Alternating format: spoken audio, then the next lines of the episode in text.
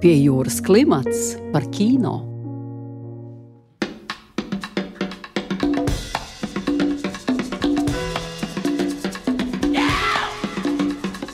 Esiet sveicināti pie jūras klimata klausītāji.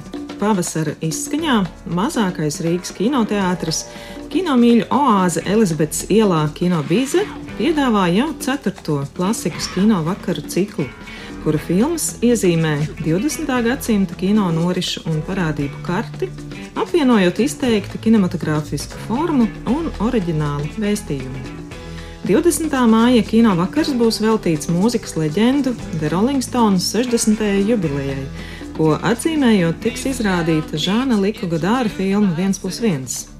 Franču jaunā viļņa, viens no zināmākajiem režisoriem, sev raksturīgā jau kādām filmveidas konvencijām nepakļāvīgā formā ir fiksējis kinolentē dziesmas Sympathy for the Devil ieraksta procesu slavenajā Olimpiskajā studijā Londonā. 1968. gada filma ir Godāra komentārs aktuālajai politiskajai situācijai. Tajā cinema verite stilā uzņemti dokumentālie kadri mijas ar provokatīviem inscenējumiem. Ierakstu studijā kameras līd apkārt mūziķiem, fiksējot gan radošo procesu, gan pīpauzes.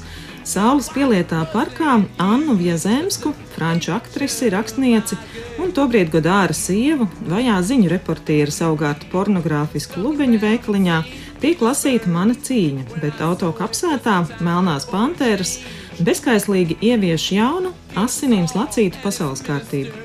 Vēlāk raidījumā dzirdēsim dokumentālās filmas Atbrīvošanas diena, kuras varoņi bija slovēņu, ekstravagantā muzikālā apvienība Laibaha, producentu Uldi Cekuli un režisoru Uģi Olti. Bet jau tūdaļ pie jūras klimata studijā viesojas klasikas kino vakaru kuratore Agnese Lipska un mūzikas kritiķis Jānis Žilde. Agnēs iezīmē lūdzu kontekstu, kādā tapa šī gada filma. Viņa sākotnējā iecerē filmēt apvienotajā karalistē bija saistīta ar pavisam citu tēmu. Jā, tad ir 1968. gads, un Gudārs tikko ir pabeidzis filmu Weekend. Un šajā vasarā viņš dodas uz Londonu. Pirmo reizi veidot filmu angliski. Viņš sākumā ir vēlējies veidot filmu par abortiem, par abortu aizliegumu, bet uh, izrādās, ka likumiski šis jautājums tieši tajā brīdī tiek risināts un legalizēts, un tā vairs nav karstā tēma. Tāpēc viņam ir jāmaina kurs, bet viņš paliek Londonā un paziņo, ka viņš veidos filmu vai nu par Beatliem, vai nu par uh, Rolling Stones. Beatlu viņam diemžēl atsaka, un tāpēc ir jādraudzējas ar tiem otrajiem. Gadāra filma viens plus viens ir veidota brīvi apvienojot albumu ierakstīšanas procesu studijā ar izteikti inscenētām, politiski uzlādētām epizodēm. Kāda bija jūsu abu iespēja pēc noskatīšanās, vai tā ir mūzikas dokumentālā filma? Uh, jā, un nē. Jā, tas ir interesanti, protams, ka bija izvēle starp Beatliem un, un Rolling Stones, un Beatles atteica, un patiesībā tas arī atspoguļojas uh, tieši šo divu grupu attieksmē pret varbūt uh, tobrīd politiskajiem procesiem. Beatles izdeva tā saucamo balto albumu, kas bija tāds rotaļīgs dziesmām Obladī, Obladā tieši šajā 68. gadā, bet Rolling Stones bija vairāk, teiksim, tā, skatījās uz kaut kādām pasaulē notiekošām negatīvām eh, lietām, procesiem. Pats Mikls Džegers, solists, eh, piedalījās pret Vietnamas kara gājienos. Un pilnīgi loģiski, pat labi, ka tā ka Godāram sanāca, ka Beatles atteica un, un Rolling Stones varēja iesaistīties. Bet atbildot uz jautājumu, šis ir tāds unikāls skatījums uz grupu Rolling Stones savā zelta teiksim, pilnbriedā, vēl ar oriģinālo sastāvu. Un pati grupa neko nekomentē filmas laikā, tikai muzicē. Godārs ir tikai kā tāds novērotājs. Un, protams, ir sajūta, ka tās divas dažādas filmas, divas filmas vienā ir dokumentālai kadri no studijas, kur top viena dziesma konkrēti, un tad ir Godāra interpretācija par kaut kādām radikālām izpausmēm pasaules politikā, nacisms, fašisms, komunisms un tā tālāk. Un tā tālāk. Jā, es domāju, kāpēc gan to nesaukt par uh, mūzikas dokumentālo filmu, ja mēs nepazaudējam teikumu otro daļu, ka to ir veidojis Godārs, uh, jo viņa rokraksts, protams, arī šeit nevar sajaukt ne ar vienu citu, un uh, režisors nemēģina daudzpusīgi kaut kā psiholoģiski portretēt pašu grupu, bet ja mēs pieņemam, ka filma ir par vienas dziesmas dzimšanu, es domāju, ka tas ir tāds ļoti spēcīgs mākslas mākslinieckais paņēmiens, tiek pretnostatīts sabiedrības konteksts, visi inscenētie eksterjeri un interjeri. Un, tas tiek pretstatīts ar ļoti to noslēgto studiju šūniņu, kas it kā ir atrauta tajā brīdī no pasaules, bet tomēr ar to ļoti cieši saistīta. Tad rezultātā to tāda laika kapsula, un tā iemiesojas gan filmā, gan arī pašā dziesmā. Žurnāls Rolling Stone 1 plus 1 sākuma epizode raksturo kā Fly on the Wall Rockdog Experience, jeb mušu uz sienas tehnikā fiksēta roka dokumentālā pieredze. Agnes, vai tu teiktu, ka šīs studijas epizodes atbilst Fly on the Wall kameras tehnikai, paņēmienam? Lai īstenotu mušu uz sienas, eh, man šķiet, ka tur būtu tomēr uh, jāļauj dokumentālajiem varoņiem vismaz daļēji aizmirst par kameras klātbūtni. Te ir ļoti grūti iztēloties, kā tas būtu varējis notikt, jo ir tik daudz uh, kameras kustību studijas ainās, kamera virzās pāri telpai horizontāli, vertikāli un izpilda īpašu horeogrāfiju, notiek kadra iekšējā montāža un tā tālāk. Un tā noteikti nav bijusi tāda ļoti maza parocīga aparatūra, ar kuru gadārs ir ieradies šajā studijā. Jā, kamera tiešām lido cauri telpai, bet nu, tā nav muša, tā ir varbūt tāda liela lēna kamena, kas tur ir nonākusi. Jā, neskatoties uz to, es domāju, ka uzstādījums ir dokumentēt. Uh, varoņus viņu dabiskajā vidē, neiejaucoties viņu procesā un tikai vērot. Un tādā veidā nonākt tuvāk patiesībai un tai nu, īstajai dokumentālitātei, ja mēs vispār kaut ko tādu varam teikt. Bet, uh, līdz ar to es domāju, ka tas itin labi ierakstās laikmeta dokumentālā kino tendencēs, kas aktualizējas 50. gadu beigās un 60. gados. Apvienojas gan novērojošais dokumentālais kino, gan arī apziņa, ka tas ir filmēšanas akts. Vai ir zināms, kā šo visai kontroversālo filmu tolaik uzņēma festivāli sabiedrība? Runā, ka recepcija no sākta gala ir bijusi ļoti pretrunīga, jo Gadārs apzināti spiež uz pogām, kur provokācijas ir neizbēgamas, bet cilvēku uz filmu ir gājuši samērā daudz. Nu, jāņem arī vērā, ka patiesībā tajā brīdī jau visi zināja, ko no režisora arī sagaidīt, tāpat kā mēs to šodien zinām. Un es lasīju to laiku publicēt New York Times recenziju, un tas kopīgais noskaņojums man šķiet, ka bija apmēram tāds, ka Gadārs parāda pasaules ārprātu ļoti precīzi, un tam ir grūti nepiekrist, kā tas tiek attēlots. Tajā pašā laikā viņi piedāvātie risinājumi un tā piedāvātā atbrīvošana vai revolūcija ir diezgan maldīga un utopiska, tāpēc viņam ir grūti ticēt. Bet sabiedrības uztverē nāca klāt arī konteksts ārpus filmas, proti tā versija, ko rādīsim arī mēs, kinoteātrī, kino bize ir garāka versija, un tā ir tā, ko redzējuši lielākā daļa cilvēku visus šos gadus, un tā ir producenta versija par filmu. Atšķiras ar nobeigumu. Mēs redzam beigās visu Sympathy for the Devil uh, dziesmu, vai dzirdam to pareizāk sakot, kaut arī pats gadārs nav vēlējies atklāt dziesmas gala versiju, sakot, ka mākslai ir jābūt nepabeigtai, un tā ir gluži vienkārši labāk un spēcīgāk. Bet uh, garais variants, tātad producenta variants un arī mūsu variants, ko mēs redzēsim, uh, tika pirms rādīts uh, Londonā kinofestivālā bez režisora ziņas tajā brīdī. Un, uh, tam dēļ uh, Gadārs ar producentu pēc filmas ir fiziski izreikinājies, iedevis viņam pa degunu, uh, paņēmis savu filmu, savu māksliniecisko vīziju, savu versiju, un tajā pašā vakarā devies rādīt to cilvēkiem zem Londonas tilta. Pats Gadārs ir teicis, ka viņš vēlējās ar šo filmu radīt sajūtu, ka kaut kas tiek konstruēts. Un tā tad uh, studijā tiek ierakstīti, jeb um, meklēti aranžējumi konkrētai vienai dziesmai, Rolling Stones dziesmai Symphony for the Devil. Tad tā sākotnēji veidojas kā tāda Boba Dilana folka balāde, pēc tam apauga ar kaut kādām dažādām uh, ritmiskām lietām, kongām un tam līdzīgi vairāk versijas. Var cikot, tiek konstruēta dziesma. Un ļoti arī saprotam, kāpēc viņš nevēlējās beigās tādu atrisinājumu, ka dziesma ir pabeigta un ierakstīta un ka viņi izskan filmas beigās. Tā otra sižetiskā līnija ir stāsts par demokrātiju, ko iemieso viņa tā laika sieva Aņiva Zemskija, un caur šiem politiskajiem skitiem viņš arī vēlējies parādīt, ka arī demokrātija nav pabeigta, tā tiek nemitīgi konstruēta, un tas ir tas viņa uzstādījums konceptuāli neatrisināt šo filmu. Turpinājumā saruna ar producentu Uldi Cekuli un režisoru Uģi Olti. Godāra filma viens plus viens. Uldi, kādi bija tavi iespēja pēc tās noskatīšanās, nu vai tā ir mūzikas dokumentālā filma? Jau filmas sākums ir šī garā aina ar šo pirmo mēģinājumu. Es jau nezināju, kas būs tajā filmā, ja, un tu skaties tās kaut kādas septiņas minūtes. Un tad man tik galvā bija cigaretes un frizūras, ja, tas kods. no 68. gada, 60. gadiem. Un tu saproti, ka iet tā aina un kamera vienkārši slīd vienā garā kadrā. Tas ir viens milzīgi garš kadrs, viena no mēģinājumiem.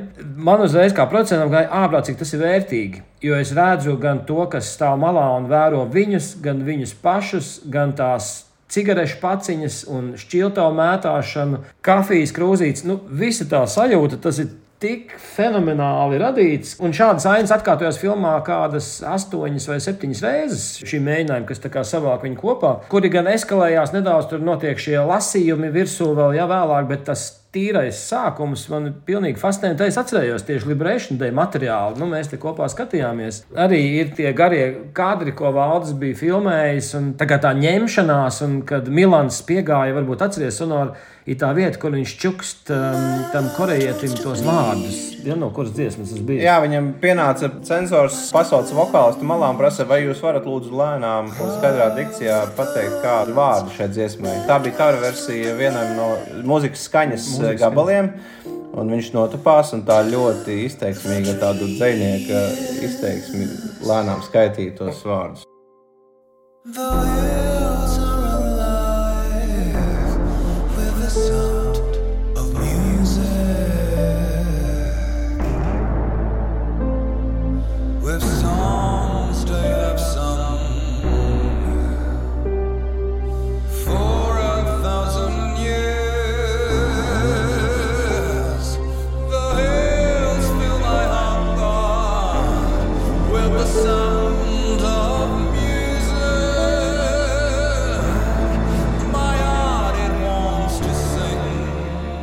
Un es atceros, kāda tā bija mūsu spēle nu, šī situācija, savukārt, eh, Godāra filmā eh, mūziķus mēs redzam tikai tā kā fonā. Viņi nerunā, neviens ar viņiem nesanājās arī no grupas. Nu, arī mūsu gadījumā nesanājās. Bet tur pilnīgi jau pietiek ar to, ka tu vēro, kā viņi savstarpēji komunicē. Un, nu, tur ir tā muzikālā saspēle. Vai tu to sauktu par mūzikas dokumentālo? Jā, viennozīmīgi. Citādi tas ir jāsauc par um, mūziklu vai koncertu ierakstu. Ja? Man joprojām dzīvo šī sajūta, ka es esmu ar laika mašīnu pabijis ekskluzīvi Turpat Džegers, ja 5 metru attālumā no manis, un kā viņš ar savējiem mēģina šo fantastisko dziesmu. Kā tev šķiet, grupa tomēr spēlēja līdzi kinematogrāfistiem? Es domāju, ka noteikti nē. Tur ir viens garš kadrs beigās, kur viens atskatās, kur tā kamera aiziet. Tas ir tāda cilvēciska, tāda, nu, um, ziņkāra. Viņi tādi radoši bērni, tur redz tos producentus, un, un tur ir ģeniāla aina, kur tas viens no menedžeriem žaketē atnes piepīpēt cigareti. Tad viņš pats fiksi uzpīpē, bet izrādās, ne, viņš piepīpē, lai dot tam, kuram ir abas rokas aizņemtas un iebāž to cigareti mutē. Nu, protams, ka viņi zina, bet viņiem nav laika ar to grupu ņemties. Tur redz, ka ir grupa uzlikusi spuldzes arī, un kad eh, kamerai vai tur ir krāns un ir tas mikrofons arī, ko viņi mēģina rakstīt vēl savu skaņu. Un tā jau ir tā dokumentālā sajūta. Ja es ieietu šeit tāpā, arī mani pamanītu, un tad arī ātri aizmirstu par mani, vai atskatītos, ja es kaut kādu troksni lieku uztaisītu. Es arī esmu skatījies diezgan daudz filmu par albumu ierakstīšanām, un man šķiet, ka Rokstārs, es pat neticu, ka viņš miegā sapnītī kļūst mazāks par sešmetrīgu, milzīgu pusdievu. Es domāju, ka viņi pat miegā ir, ir rokstāri, tāpēc arī mm, domāt, ka viņi kādā brīdī nespēlē šo identitāti, būtu apšaubāmi. Vai tik brīvi varēja notikt ieraksts, tas īstais, patiesais ieraksts 68. gadā, jeb grupa tomēr spēlēja līdzi kinematogrāfistiem?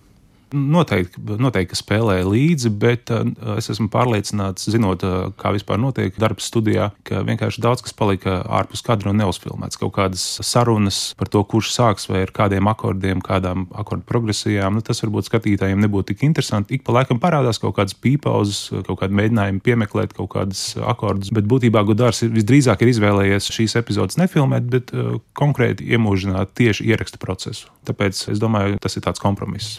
Domāju, ka tās jautājums ir tāds eh, pārliecīgais dokumentālā kino noslēpums, ko vienmēr var šķietināt un domāt. Bet man gribētos ticēt, ka mēs tomēr varam ieraudzīt to īsto Rolling Stones garu filmā, jo viņu daļa filmā šķiet vistīrākā, visgodīgākā, varbūt pat eh, režisora ambīcija neskartākā.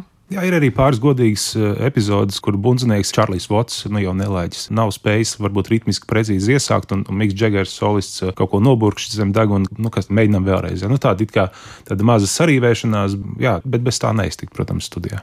Šī ierakstu sesija notiek Olimpiskajā studijā Londonā. Ar ko tā ir ievērojama? Jā, Tā ir diezgan nopietna un prestiža skaņu ierakstu studija blakus Ebija Road studio liekam Lielbritānijas popmūzikas vēsturē. Un, ja mēs vēsturiski par konkrēti par šo ēku runājam, kas atrodas Tēmzes krastā pāris kilometrus no Londonas centra, tad tur sākotnēji bija agrīnā kinoseanse 1910, 12, 20 gadi. Tā kā varbūt likumsakrīgi, ka Godārs arī izvēlējās filmēt šeit, jo tur ir tā kino vēstures elpa. Un tikai laikam 50. un 60. Gados šīs telpas pārtapa par ierakstu studiju. Un tur rakstījušies tiešām Džimijs Hendriks, Eltons Džons, nu, viss britu mūzikas zieds. Domājot tieši par uh, niansēm, kam pievērst uzmanību skatoties, vai bija uh, kaut kas tāds, ko jūs ievērojāt, varbūt pirmo reizi, kāds zīmīgs moments ierakstu studijā, mūziķa paradums, maniera, varbūt mums ir jāzina kāds fakts no šī ieraksta tapšanas, lai mēs skatītos uz to visu kaut kā iesaistītāk. Jā, kas attiecas uz tā brīža Rolling Stones sastāvu, tad uh, acīm redzam, ka tāds visneiederīgākais šajā visā bija ģitārists Brians Jones, kurš bija nopietni sirga ar narkotiku atkarību tajā laikā. Un, uh, faktiski viņa spēlēta akustiskā ģitāra, vizuāli viņš viņus muzicē un spēlē, bet ierakstā viņa nav dzirdama. Būtībā visu lielo šo aranžējumu un ieraksta procesu vezumu izveda ģitārists Keits Richards un Miks Džegers, kurš arī ir dziesmas faktiski autors. Par to mēs varbūt varam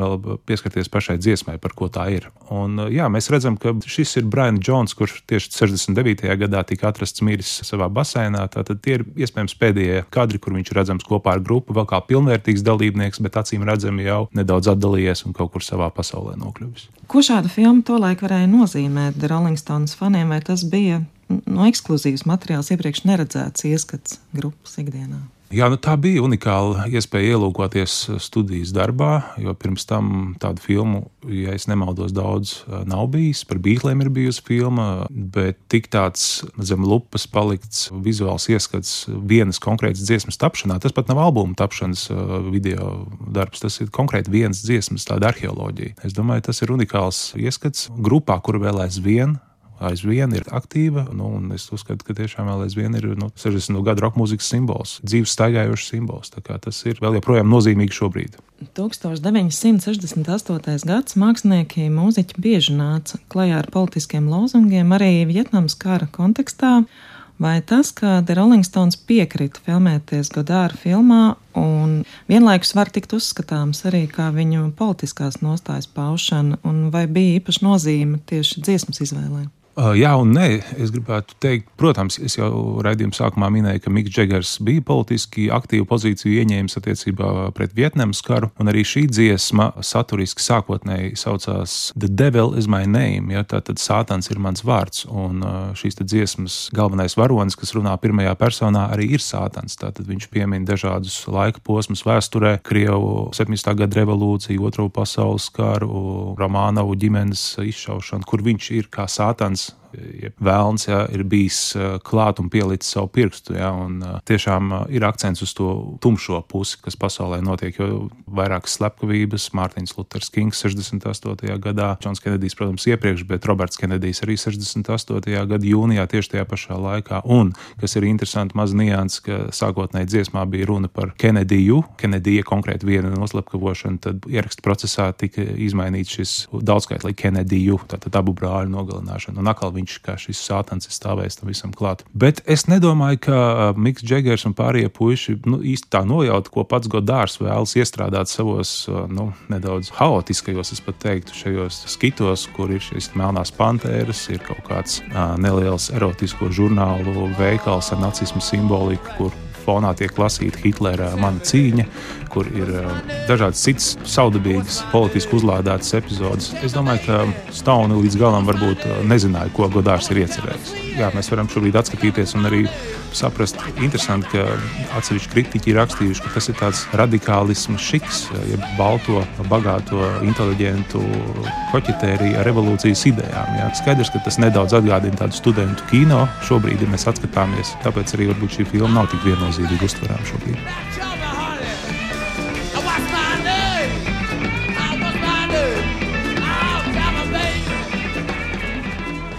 Redījumā viesojās Agnese Lipska, Jānis Žilde, Uldis Cekulis un Uģis Olte. Dzirdējām The Rolling Stones skaņdarba Sympathy for the Devil un Laibacha variācijas par mūzikas skaņām fragmentus.